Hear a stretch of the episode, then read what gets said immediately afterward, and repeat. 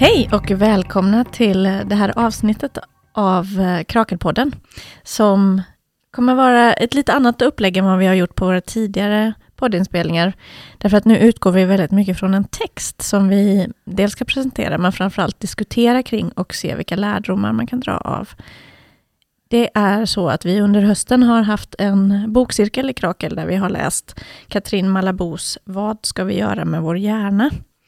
Och eh, jag, Miriam, sitter här nu med tre andra av dem som deltog i cirkeln och vi ska eh, prata utifrån den här boken. Först tänkte jag bara att eh, ni skulle få säga vilka ni var.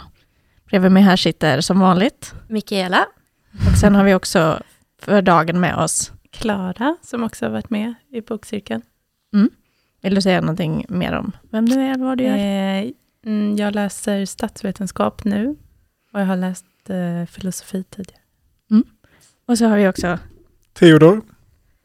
Ehm, och jag, är, jag har ju också varit med i cirkeln och är psykolog i grunden.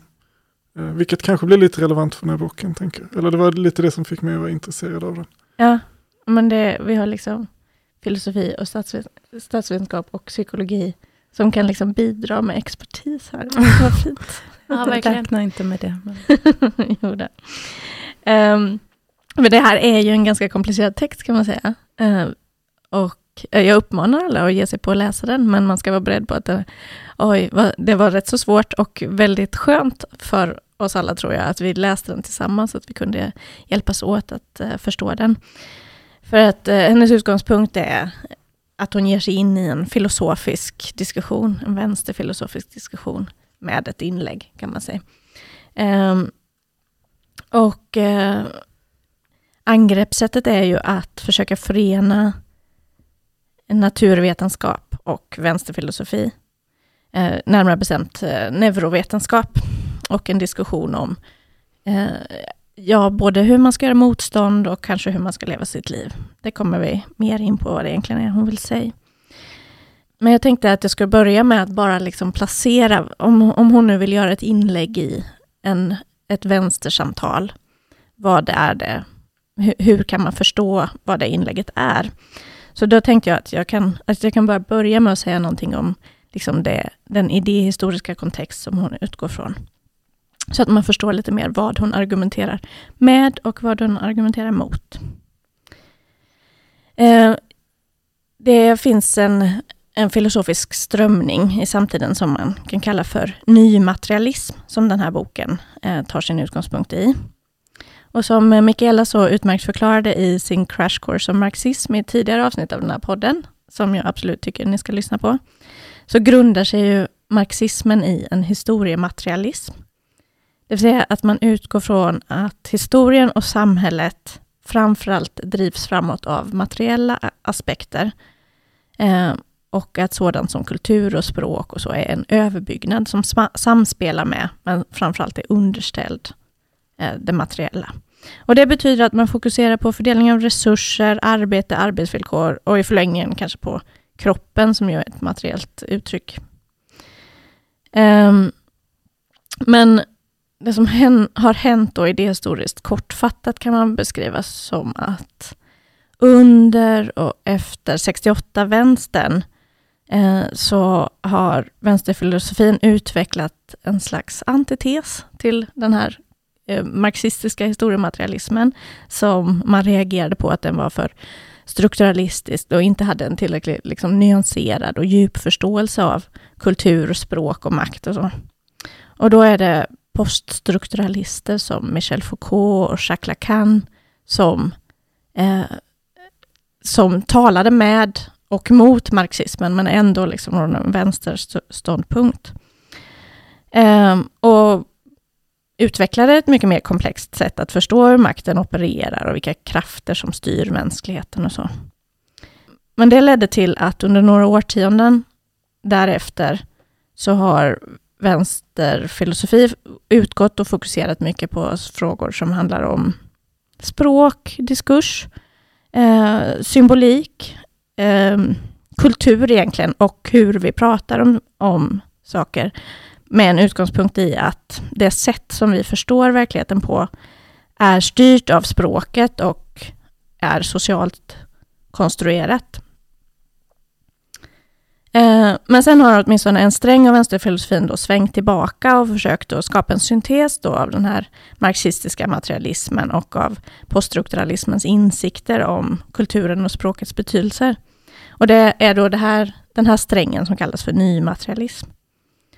Och det betyder att man åter kan fokusera på materiella aspekter av verkligheten som till exempel klimatkrisen, eh, vapen och våld, eh, kroppen och ja, det som man kallar, hur det som man kallar för senkapitalismen samspelar med de här sakerna. Um, och en, en sak som det här också fört med sig det är att liksom poststrukturalismen och hela den eran eh, utvecklade en, en kritik av naturvetenskaperna och dess sätt att förhålla sig till vad är sanning och vad är verklighet och så. Och visade bland annat att det här som framstår som en objektiv och ren vetenskap i själva verket också har en massa utgångspunkter i språk och symbolik och sociala förståelser av verkligheten. Att man kan inte liksom eh, förstå verkligheten rent, så att säga. Och det har gjort att man har distanserat sig väldigt mycket från naturvetenskapliga sanningar. Men den nymaterialismen för med sig också att man kan närma sig naturvetenskapliga eh, fakt, fakta, och, men förstå dem politiskt. Um, så att naturvetenskapen är meningsfull trots att man förstår att den också har en grund i det socialt konstruerade. Och det, ser, det förhållningssättet ser man ju tydligt i den här boken där Malabo ju djupdyker i neurovetenskapen men blandar upp den med insikter från filosofiska och politiska diskussioner eh, och inte liksom utgår från att neurovetenskapen är opolitisk eller icke-ideologisk, eh, utan i högsta grad politisk, men värd att ägna sig åt för, för oss som kallar oss vänster. Och att det liksom finns en koppling mellan hur vi ser på hjärnan och hur ekonomin är strukturerad och så vidare. Eh, är det någon som vill lägga till någonting till den bakgrundsbeskrivningen? Nej, bra sammanfattat. Men då tänker jag att vi ger oss in i det, för att Malabo, eh, man kan säga, en, när hon ställer den här frågan, vad ska vi göra med vår hjärna? Så är det för att hon vill liksom väcka den frågeställningen i hela vänstern och liksom väcka en medvetenhet om neurovetenskapen och ny kunskap om hjärnan. Eh, så jag tänkte att vi, vi ska börja med att liksom reda lite i vad är det för kunskap som hon vill att vi ska ta en annan hänsyn till. Vill du Theo ge dig på att försöka sammanfatta det?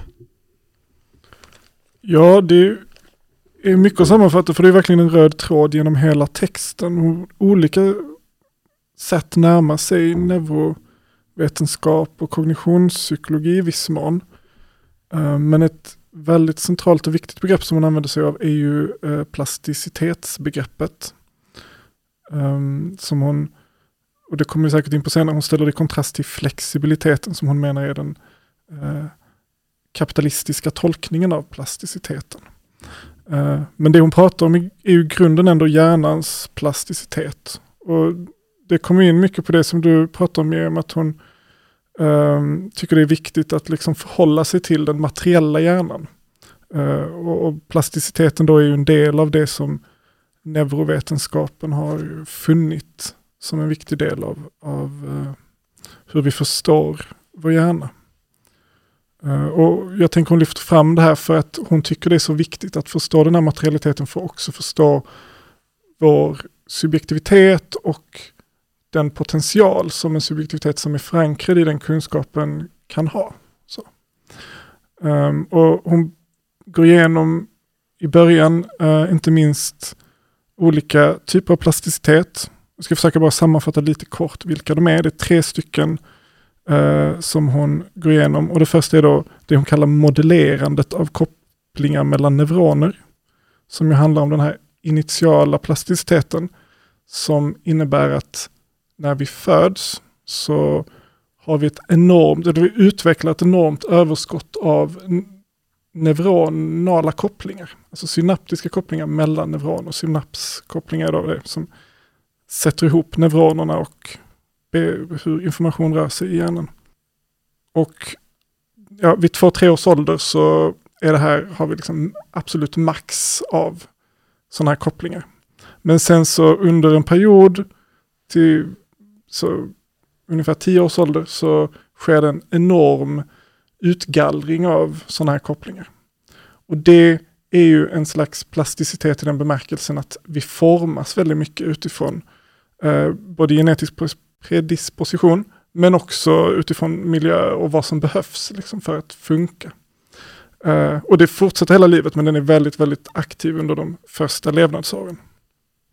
Så det är den ena typen av plasticitet. Den andra är det de kallar modifiering av kopplingarna. Och då handlar det om att genom olika vanor, repetition och sånt så stärks vissa kopplingar. Och, alltså det är helt enkelt inlärning. Vi lär oss saker och det förändrar hjärnan rent fysiologiskt. Uh, men det kan också vara att, att vissa kopplingar försvinner för att de inte används. Så även där på den nivån formas också hjärnan genom hela livet. Och sen den sista är då förmågan att reparera sig själv. Och det utgår från sån forskning som har visat att om vi skadar hjärnan på olika sätt så kan olika kopplingar och neuroner arbeta på nya sätt och hitta nya sätt att reparera sig. Eh, I viss mån såklart, men ändå. Eh, vi kan kompensera för ganska mycket neuralt, även om vi får vissa hjärnskador. Och så. Eh, och sen så kommer hon ju senare in på också i det sista kapitlet en, en lång diskussion om hur förmedlingen mellan det neurala och det mentala går till. Uh, där hon försöker formulera någon slags teori om det. och vi kanske kommer in lite på det mer senare. men hon vill utmana, där vill hon utmana lite neurovetarnas bild av en ganska enkel kontinuitet mellan det neurala mönstret och vår mentala disposition helt enkelt. Mm. Ja. Men man kan sammanfatta detta lite som att det har funnits, eller finns kanske på många håll, en bild av hjärnan som eh, något väldigt mekaniskt, eh, som bara skickar eh, signaler i olika riktningar. Men i själva verket, eller det hon vill eh, visa är att hjärnan är levande och formbar. Och hon beskriver det som ett unikt verk, där liksom vår livshistoria är inskriven i hjärnan, men hjärnan kan också förändras under livshistorien. Så vi är liksom inte dömda till att hjärnan eh, fungerar på ett visst sätt, utan vi kan liksom själva påverka det. Ja, jag tänker att en poäng hon gör är ju också att eh, hjärnan inte är genetiskt eh, determinerad, utan att den eh, både genom miljö och eh, omgivning eh, formas. Precis, att miljön är avgörande för den här skulp skulpteringen. Mm. Eh, och att liksom utbildning, erfarenhet, träning, barndom, hur barndomen är, allt det där eh, påverkar eh, hur hjärnan utformas. Ja, hon säger det flera gånger i boken ju att eh, hjärnan är vårt verk, men vi vet inte om det. Och att hon då vill höja den här medvetenheten så att vi börjar förstå detta. Och där gör hon ju liksom någon slags parafras också till vad Marx skriver, att eh, människan skapar sin egen historia, men vet inte om det. Så det är väl det, där placerar hon sig. Och man kan väl också eh, sammanfatta den här plasticitetsbegreppet, som jag har förstått det som, så menar hon att plasticitet är att kunna eh, ge och ta form. Medan flexibiliteten är något slags eh, gränslöst anpassande, typ. Eh, och att hjärnan är plastisk också för att om den väl har gett och tagit form så kan den inte återgå till sin ursprungliga form, tror jag hon skriver. Mm. Precis, jag tänker det där sista du säger är jätteviktigt med skillnaden mellan plasticitet och flexibilitet. För det är något hon verkligen diskuterar mycket. För att det är viktigt att komma ihåg att hon använder inte plasticitetsbegreppet bara för att argumentera för social konstruktivism. Liksom. Att vi är formbara. Utan tvärtom så vill hon ju också verkligen betona att vi är formbara men inom en viss gräns. Och vi måste lära känna de där gränserna och förstå dem. Vi måste liksom förstå neurovetenskap, kognitionsvetenskap, för det säger någonting om våra möjligheter att formas. Um, just för att hon vill ju verkligen kontrastera det mot det här flexibilitetsbegreppet som är den här inbillade idén om att vi liksom kan bara bli vad som helst, anpassa oss till vilka typer av ordningar som helst. Mm. Så det betonar hon ju väldigt tydligt. Mm. Ja, tack, eh, tack förresten för din klargörande utredning där. Jag tänker också att det här visar eh, att vi rör oss i den här boken väldigt nära väldigt stora frågor. Vad är människan? är den formad av arv, arv eller miljö? Hur determinerade är vi? Hur mycket frihet har vi? Eh, och vad, vad är egentligen vår viljas och själens roll i den här kroppen? Och det är det som du var inne på lite till om den här kopplingen mellan det neurala, alltså det som faktiskt händer i hjärnan fysiskt, och det mentala, som är det där eh, vagare, som vi kanske ibland kallar för själ. Men ska vi försöka förstå det lite bättre, vad hon, vad hon menar med det? Eh, ja, Theo tog ju upp lite tidigare att hennes poäng är ju eh, dels då att den översättningen mellan det neurala, eh, liksom, eh, organiska och det mentala inte är så, det är inte bara en rak översättning som eh, neurovetenskapen kanske menar, utan att det snarare är en eh, liksom översättning som har glapp och brister kanske, och inte totalt överensstämmer, utan att det både, översättningen både påverkas, eh, alltså att den sker i mötet mellan på något sätt det organiska och det mentala, eller det neurala och det mentala. Eh, och att det är en mycket svårare eh, sätt att säga eh, exakt hur den sker. Att det är på något sätt, som jag läser det, så att det, är att det finns något eh, mystiskt i det, eller något eh, som inte riktigt kan greppas i varje fall, vad det är som inverkar. Men jag vet inte, Theo, du kanske har en annan? Nej, men jag håller med dig, det är det hon är inne på, att försöka diskutera den översättningen.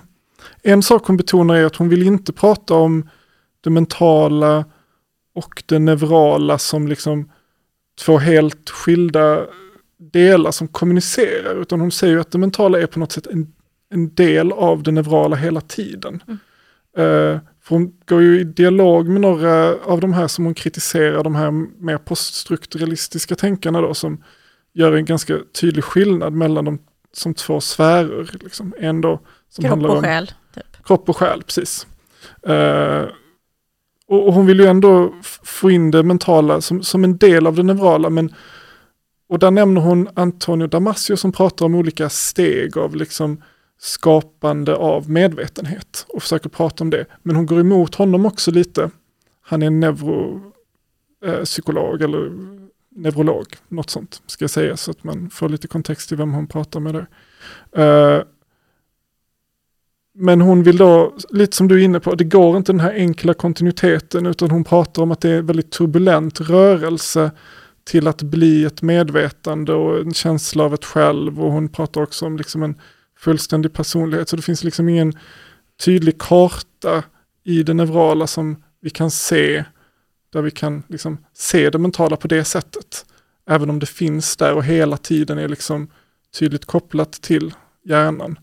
Eh, hon pratar ju också mycket där om hur viktigt motstånd är i skapandet av det mentala. Att det sker genom att det möter motstånd och eh, ja, men som en, ja, men turbulent, bråkig process. Så, och det är ett, ja, svårt att förstå exakt vad hon menar, det är ett väldigt svårt kapitel, men hon försöker formulera en teori om den här översättningen, den här övergången, som hon menar att neuropsykologerna och neurologerna inte har gjort på ett adekvat sätt. Hon tycker den är, är att de översättningarna, eller de teorierna om det är bristfälliga och eh, eh dessutom inte har ett då kritiskt perspektiv.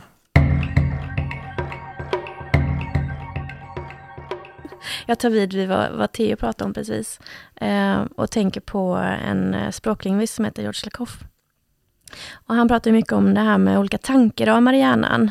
Eh, och det är ju det som Malibu också är inne på, alltså, eh, att eh, desto fler gånger vi upprepar någonting, desto mer förstärks det. Och han pratar ju då mer om språk och språkbruk. Och det finns också eh, en svensk aktivist som heter Jonas Karlsson, det går nog lätt att googla detta, eh, som också gjorde ett bra inlägg om detta. Alltså att man kan använda den här förståelsen för eh, hur man förstärker tankeramar också som en politisk strategi. Eh, I hur vi till exempel upprepar språk och ord och begrepp. Eh, och någonting som till exempel, eh, vad kallades de, Nya Alliansen gjorde väldigt mycket 2006 och så.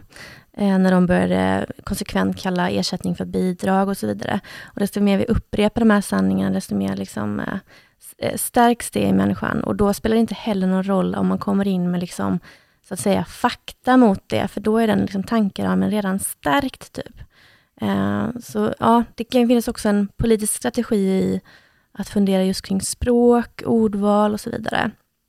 Men är inte det ett... Ehm, um, beskriver inte det just det man kan förstå genom att koppla ihop det här eh, poststrukturalistiska och fokuset på språk mm. med eh, det materialistiska. Att språket faktiskt också, eh, det inte, existerar inte i någon symbolisk sfär utanför oss, utan det formar faktiskt banor fysiskt i våra hjärnor mm. Och som sen liksom begränsar och möjliggör vad vi kan tänka och inte tänka. Jo, jag tycker det här är, är jättespännande också just som psykolog. Att här kanske vi kan få användning för liksom mer empiriska liksom, kunskap eh, om hur människor fungerar och hur hjärnan fungerar på ett politiskt sätt.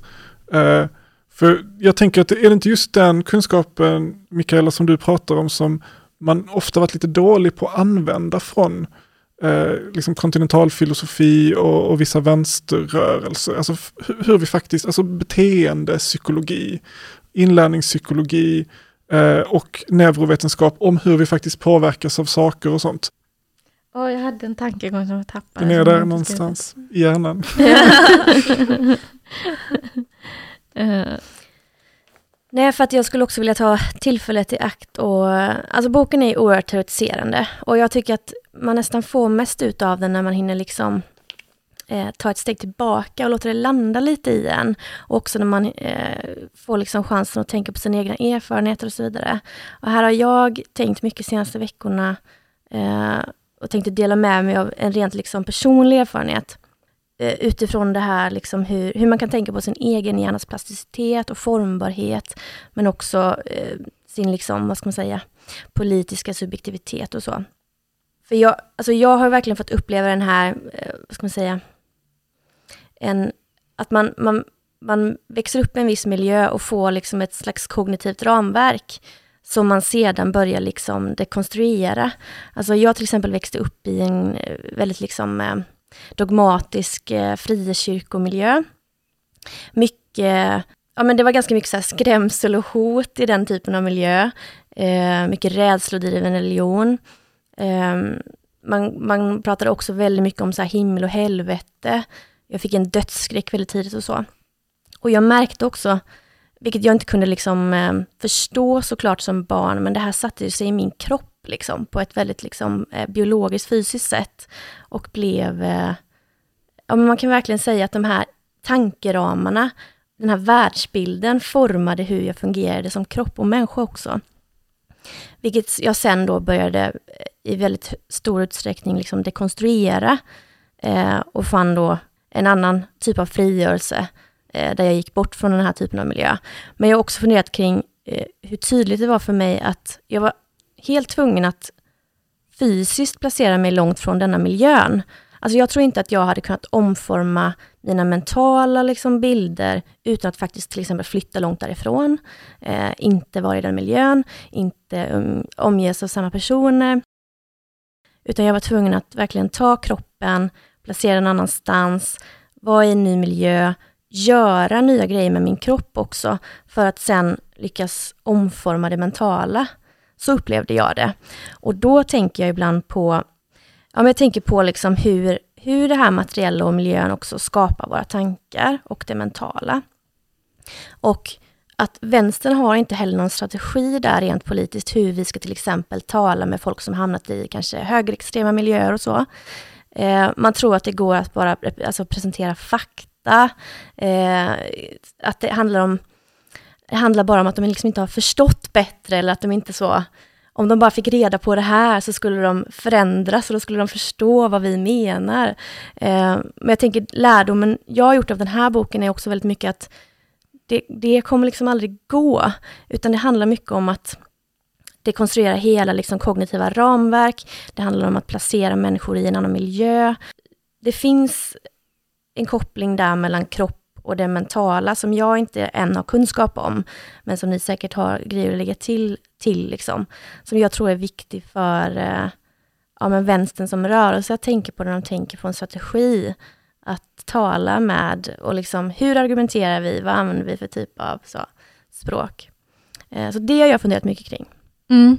mm tack för både väldigt, för det personliga men också väldigt insiktsfulla eh, i det. Eh, jag tänker att eh, ja, men det verkligen finns någonting här i att eh, gifta samman förståelser från olika håll som gör att, eh, att vi kan se eh, livet, samhället, politiken på ett bredare sätt, som den här boken verkligen inspirerar till. Ehm, för här kommer vi också in på det här med hur vanor och stimuli och de sätt som våra liv liksom Eh, gestaltar sig materiellt och kulturellt spelar väldigt stor roll för hur våra hjärnor formas. Um, ska vi gräva lite mer i det? Ja, jag tänker att boken eh, också är lite av en uppmaning att eh, kanske vara vaksam på, där vi pratat om tidigare, om hur ens hjärna formas. Och hon skriver på något ställe att det vi ska göra med vår hjärna, då bland annat är den här frågan om att vara medveten om att det är en historiskt skapad, eh, skapat organ.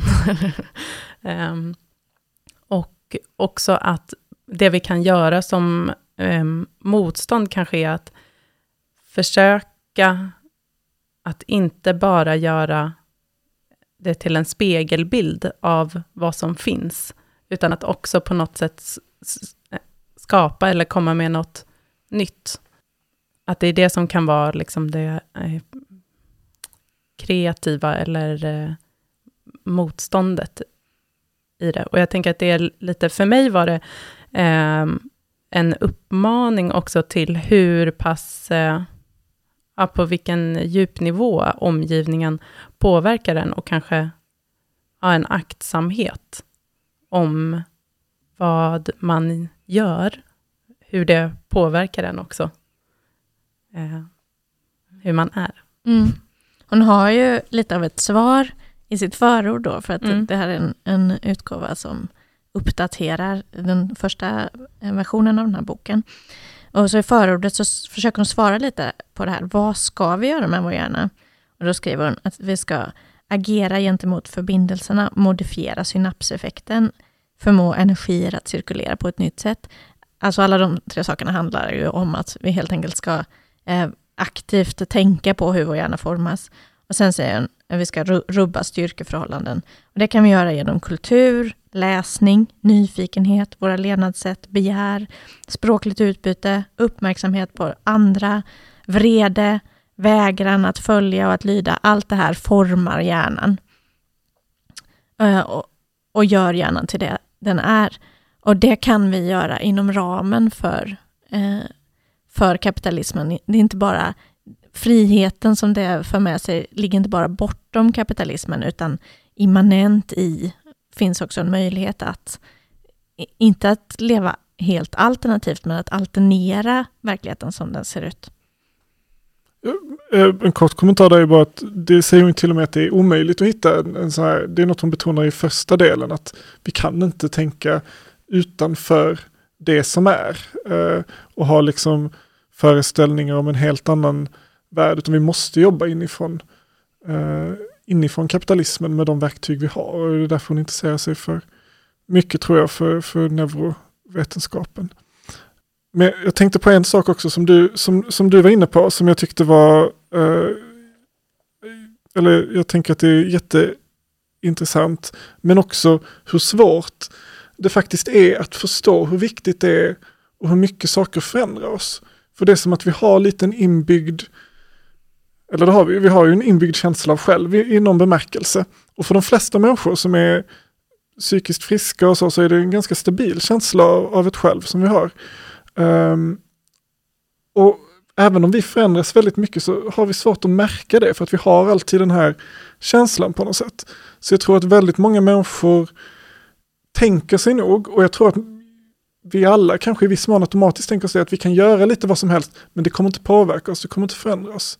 Lite på samma sätt som om någon närstående ser ut att aldrig förändras. Man ser ofta inte när närstående åldras till exempel rent utseendemässigt. Eller om man inte tittar på och jämför med ett foto för länge sedan för att det går så långsamt. Och jag tänker lite är det väl som upplevelsen av vårt eget själv. Att det är svårt att få, få tag på det där och se det.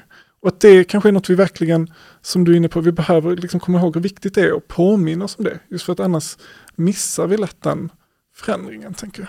Mm, hon beskriver det som att vi är blinda för vår egen film. Just det. Mm, men jag tänkte en sak då, att när det här tar hon upp i förordet, det citatet som du läste.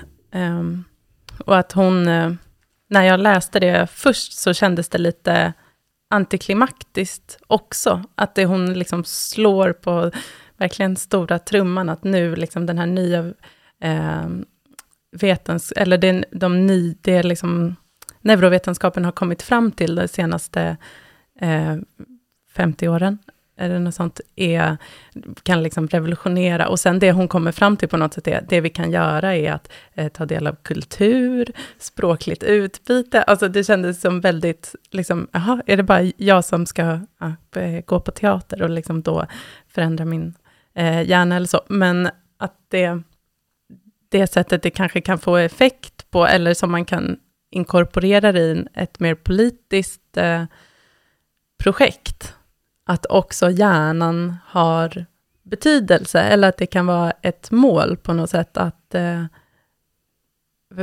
man ska kunna liksom ta, ge omsorg till sin hjärna också.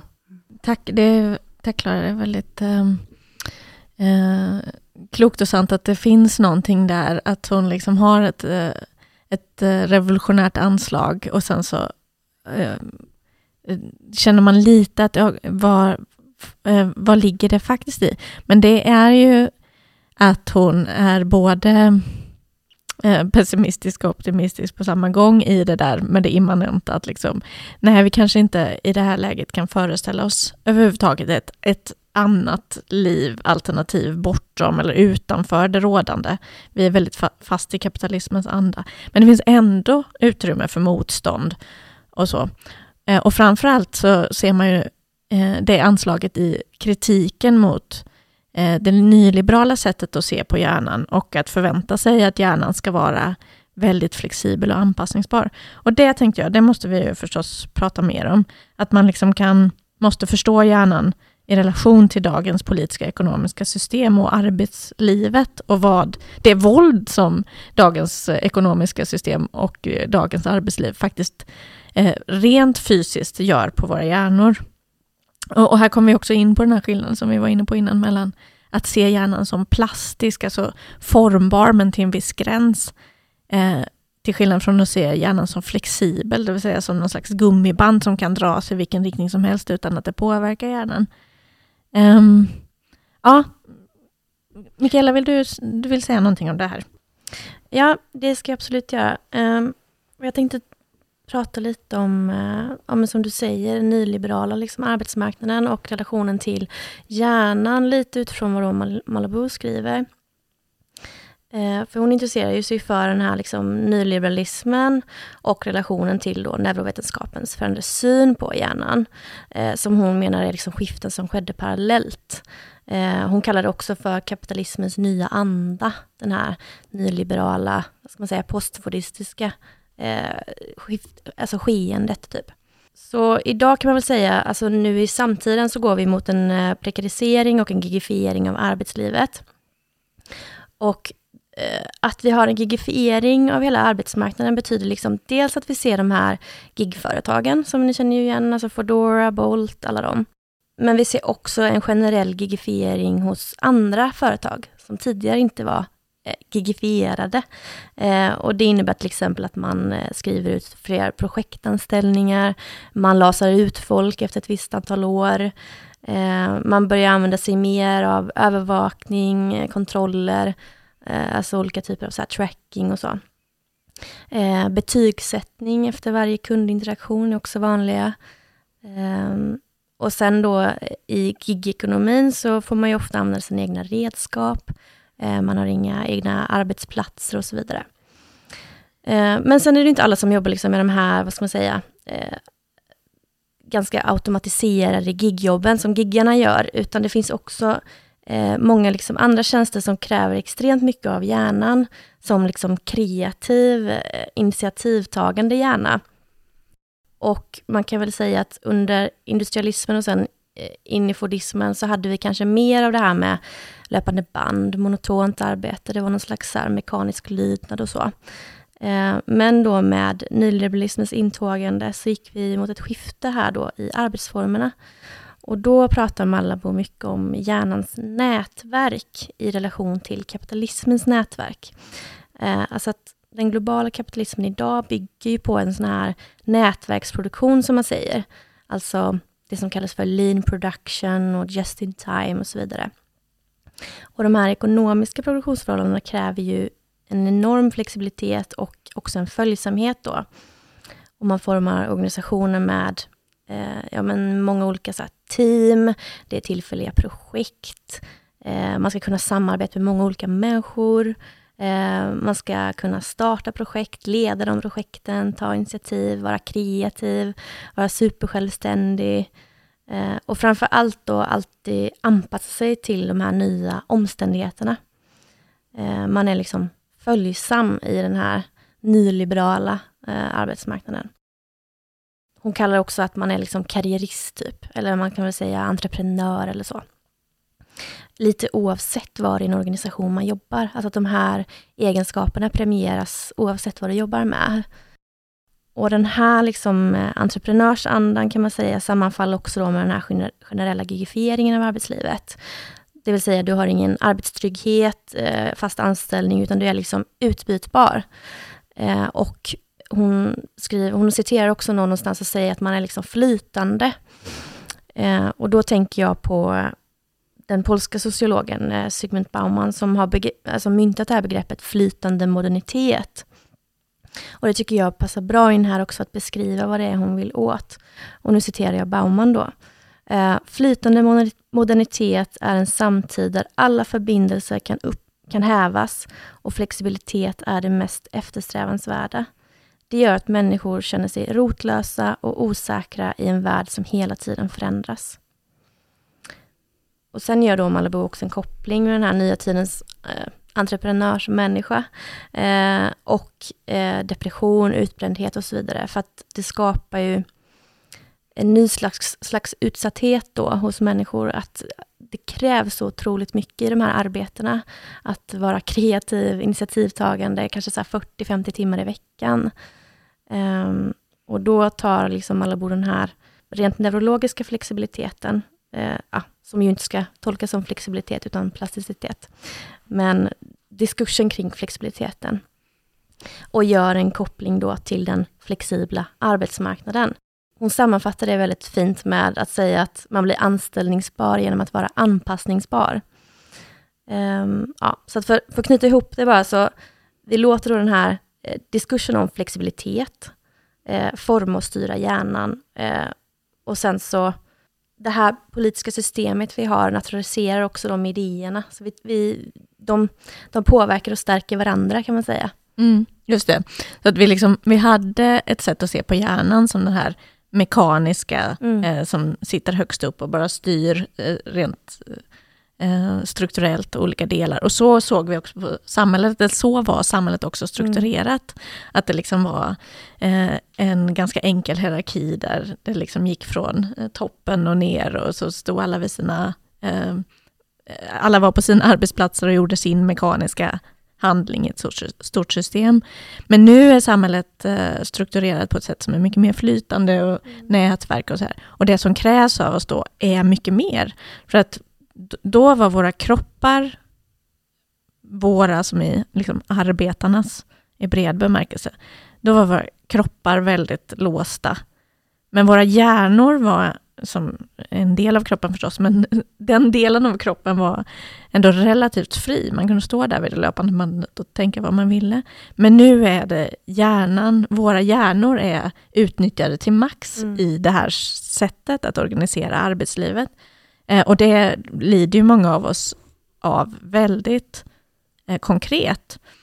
Eh, men jag tror att vi eh, eh alla, många känner av det, att man blir liksom verkligen, eh, man måste projektleda sig själv. Eh, allting är så splittrat och eh, liksom alla ens kreativa förmågor blir utnyttjade till max i arbetslivet. Mm. Så den delen av ens liv eh, har allt mer ätit upp allt annat. Så att det är allt mer det vi är, är det vi jobbar med. Um, och, och i det så ska vi, precis som du sa så bra Mikaela, men att vi ska liksom vara anpassningsbara till max. Um, och eh, den här boken, ja, men jag känner ännu mer än innan att det är ett våld, det är en stöld. Liksom. Min hjärna och dess möjligheter och dess eh, plasticitet blir stulen från mig i, eh, i det här sättet att organisera arbete och ekonomi. Ja, precis som du säger. Jag tänker också mycket på vad det gör med människan som kulturell varelse. Alltså om vi nu har de här arbetena där vi ska vara sådär super eh, kreativa, flexibla och eh, ledande eh, 40 timmar i veckan. Eh, så innebär det också för många att man kommer hem och liksom bara måste stänga av. Eh, man orkar inte skapa eget, vara kreativ, göra kultur. Man orkar kanske inte ens alltid socialisera, vara med vänner, utan det blir mer ett... Eh, på ar arbetet, som du säger, den bara slukar all denna hjärnkapaciteten och sen när man väl kommer hem så är det bara, okej, okay, nu måste min hjärna få vila resten av dagen. Så det, och det finns ju en enorm sorg i det, tänker jag, att eh, vi lever så och har det så. Det känner jag själv i alla fall. Mm. Jag tycker att eh, pandemin liksom, eh, synliggör detta, eller gör detta ännu mer närvarande. Att vi kanske inte ens har ett språk för vad det gör med våra hjärnor, att vi är ännu mer bundna vid, vid en skärm och inte ens eh, förflyttar oss ur hem, alltså att hem och arbetsliv flyter ihop ännu mer. Eh, och eh, det, ja, men det, vi, vi mår ju dåligt nu. Kanske är det inte bara liksom isoleringen och att det är tråkigt, och, utan det, det händer någonting här eh, som, som jag hoppas att vi kan försöka hitta ett språk för. Eh, ja, men utifrån detta då, så vill hon att vänstern och vi alla ska börja ställa oss frågan, vad ska vi göra med vår hjärna? Och vi kan ju utveckla det, varför, vad, vad det är för poäng med det och, och om det kan leda till nya sätt att dels förhålla sig till sig själv och sitt liv, men också att liksom, agera politiskt. Men vad, vad tänker ni, liksom, vad, vad, är, vad blir nytt för er i, i era sätt att se på era hjärnor, förhålla er till era hjärnor och eh, era hjärnors plats i det här samhället?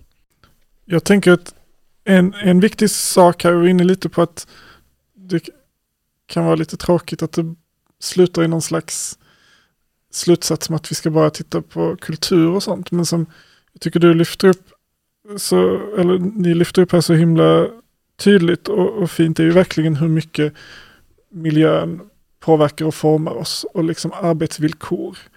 Eh, vad gör vi om dagarna? Hur tillbringar vi vår tid? Och där är det ju verkligen någonting som inte bara är en, någonting som vi kan förändra individuellt, utan där vi behöver bedriva en politisk kamp. Vi behöver liksom omforma hela vår materialitet runt omkring oss också för att det ska bli någon förändring och för att vår hjärna ska kunna få bra förutsättningar för att må bra och trivas. Liksom. Så i den bemärkelsen kan man också verkligen läsa det här som ett viktigt behov av att vi får en, en, en sund hjärnmiljö runt omkring oss. Liksom. Uh, tänker jag. Mm. Ja, det har vi pratat också under cirkelns gång ju, och jag tror att det var du som lyfte det ett par gånger Miriam, vilket jag tycker var jätteinspirerande, när du sa också att det här är ju liksom, det är dels ett rent individuellt projekt, alltså att man blir medveten om sin egen hjärna och hittar liksom nya sätt att förhålla sig till den och så. Men som sagt hur vi gör det kollektiva av det här och då har du ju varit inne på att man faktiskt kan skriva ett annat program mot kapitalismen. Kan inte du ta lite om det? Jag tyckte det var så himla bra. Tack. Ja. Nej, men det jag, eh, det jag tänker på är att vänstern ju har behövt retirera eh, väldigt mycket. Det har liksom väldigt lite utopisk eh, eller visionär eh, strömning nu, utan det är väldigt liksom defensivt och man fokuserar väldigt mycket på att försvara rätten till någorlunda acceptabla arbetsvillkor, eh, att försvara välfärdsstat, resten av välfärdsstaten och så vidare. Eh, och det gör också att man fokuserar eh, på vissa väldigt konkreta aspekter av livet. Men att jag tycker att det visionära vore att dra in eh, större delar av livet, vilket också skulle innebära ett program som liksom omfattar oss allihopa, därför att vi lider av kapitalismen eh, nästan på vilken plats vi än befinner oss i den, så lider vi som människor och hjärnor. Givetvis på, eh, så spelar ju de materiella villkoren eh, mycket roll för hur våra liv blir. Eh, men om man tänker på de materiella villkoren bredare, så ser man att liksom också den som kanske har det, har, har det stabilt vad gäller vad som ska stå på, på bordet och att man har ett, liksom ett, ett bra boende och så, um, den lider också i det här sättet att organisera arbetslivet. Mm. Och det gör ju att liksom vänstern kan skriva ett antikapitalistiskt program som, som helt enkelt innefattar eh, många fler personer och många fler aspekter av livet. Och där eh, motståndet inte bara handlar om eh, arbetsvillkor. Jag tycker inte vi ska sluta, den kampen är ju jätteviktig. Den är, kampen är jätteviktig för vår hjärna. Men att vi kan liksom omforma, omformulera varför vi strider för arbetsvillkor, varför vi strider för välfärdsstaten, eh, varför vi strider för andra sätt att producera och konsumera. Jo, för att det handlar om liksom, livet på ett mer holistiskt sätt. Jag tänker också att det också ger att hon också inspirerar till andra sätt att bedriva motstånd. Eh, att det, det också handlar om att liksom ta rätten till mer av sitt liv genom att vara olydig mot det här, eh, den här karaktär, karak, karikatyren av att leva eh, anpassningsbart, att leva efter vad arbetsgivaren, arbetslivet förväntar sig. Um, um, att undvika att bli kopior av världens karikatyr, detta är vad vi måste göra med vår hjärna, skriver hon här i slutorden. Eh, vi måste vägra vara flexibla individer som kombinerar en permanent självkontroll med en benägenhet att modifiera oss själva för att anpassa, anpassa oss. Ehm, så jag, jag, läser vidare här, för det är den mest inspirerande delen av boken tycker jag. Så vi ska motstå flödena och släppa lite på vår självkontroll och acceptera att explodera då och då. Eh, för det, det är också någon slags eh, motstånd i det då, att eh, explosionen är någon slags där, eh, där det tar stopp för vår, eh, för vår formbarhet, helt enkelt. Ehm, och att vi kan göra det genom till exempel vredesutbrott. Kanske behöver vi på nytt lära oss att känna vrede, att explodera i protest mot en viss kultur av foglighet, följsamhet och konfliktundvikande som gör sig gällande trots att vi lever i en värld av permanenta krig. Det är inte på grund av att kampen har ändrat form, det är inte på grund av att det inte längre är möjligt att ta strid mot en chef, en arbetsgivare eller en fadersgestalt som det inte förs någon kamp eh, mot exploateringen. Att fråga vad ska vi göra med vår hjärna innebär först och främst att föreställa sig möjligheten att säga nej till en politisk, ekonomisk och medial kultur som konsekvent sjunger flexibilitetens lov och premierar fogliga individer vars enda kvalifikationer ligger i deras förmåga att sänka blicken med ett undergivet leende. Det är väldigt träffande och väldigt liksom, eh, också inspirerande just i att, så här, att eh, vara an antikapitalist eh, börjar med en medvetenhet om vad kapitalismen gör med en och då kan man också börja skriva om, eh, börja bråka med den, den liksom karikatyren då som hon säger. Så att, att, ehm, att höja medvetenheten i sig, ja då kan man göra det som du beskrev innan Mikaela, att du, att du gjorde mot din frireligiösa bakgrund. Dekonstruera vad den gör med ens, ens eh, hjärna och ens eh, karaktär och då liksom börja se nya sätt. Jag kommer ihåg någonting till och du sa under cirkeln, jag tror du pratade om, om Lacan, om liksom att eh, det också finns ett mål i att subjektiviteten kan se sig själv eller placera sig själv på nya sätt. Minns du detta? Minns inte riktigt, men vad jag tänker på eh, vad jag tänker på när du säger det här är verkligen att eh, men det vi behöver göra är ju verkligen att få en medvetenhet om oss själva, om att lyssna på vår egen kropp och våra egna liksom, känslomässiga signaler och liksom se, lära oss jobba med det. Eh, på ett sätt där vi tar agens för det och kan bjuda på ett konstruktivt motstånd och eh, också ja, men, ja, men en medvetenhet om var våra gränser går. För det är mycket det hon pratar om, att liksom vi behöver hitta gränserna i plasticiteten. Det är där motståndet bjuds. Liksom. Mm. Eh, Sätt, att sätta subjektet på, på en plats det inte varit på, något sånt. Alltså att liksom, uh, ja men precis som du säger, genom agens, uh, visa på vår agens och att uh, um, medvetandegöra oss om uh, hjärnans funktion och också dess möjligheter och begränsningar är att lära oss att se vår egen film och då kan vi också bli regissörer i den filmen på ett annat sätt. Ja, men jag tänker också att det är en, en slags eh, subjektivitet som också tar vara på sin objektivitet. Alltså att det på något sätt är gränsen. Att den här ständiga eh, anpassningen och, och omformningen på något sätt får sin gräns i det också, i att vi är materiella och objektiva varelser. Det är liksom eh, en uppvärdering av det. Um, och kanske den, ett motstånd mot den liksom utraderande kraft som den här anpassningen och att hela tiden ta sig nya roller uh, gör. Att den liksom utraderar någon slags, eh, kons, vad säger man, uh, kontinuitet eller liksom något konsistent. Mm hjärnan är, har faktiska gränser. Mm. Och det som vi ofta upplever, jag orkar inte, jag förmår inte, eh, liksom, jag, jag tar slut här. Eh, som man ofta då eh, kanske upplever som en individuell otillräcklighet och lider av det och försöker pressa sig själv ännu mer och så vidare.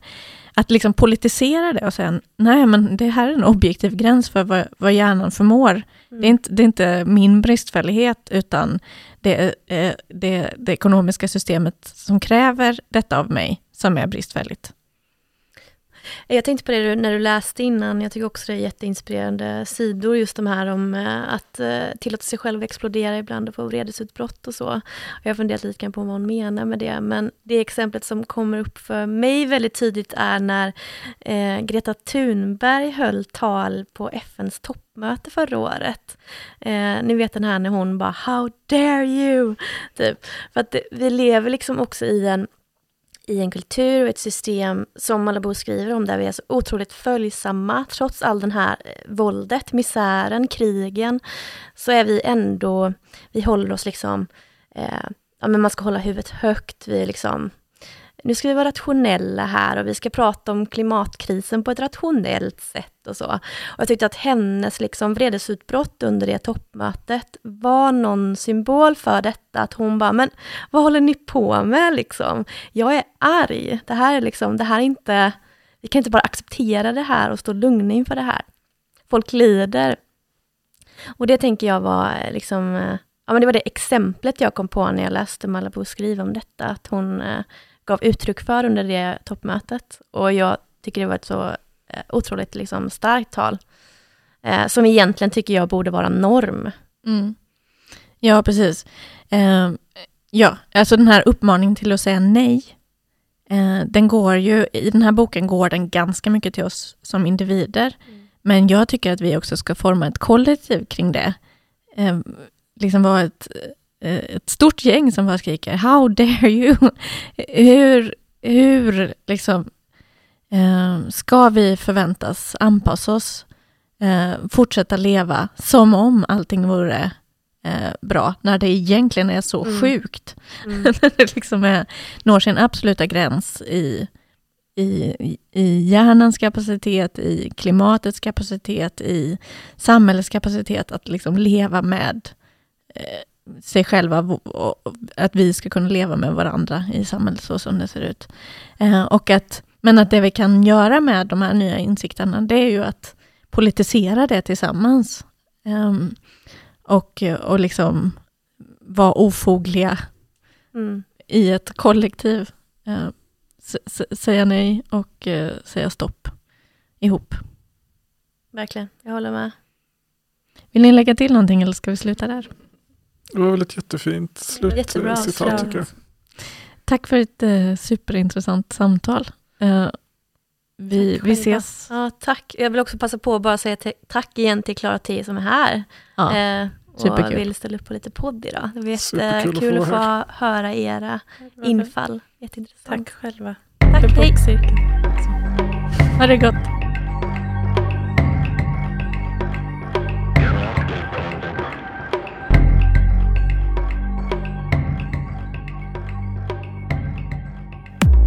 Du har lyssnat på en podcast som görs i samarbete med ABF Malmö.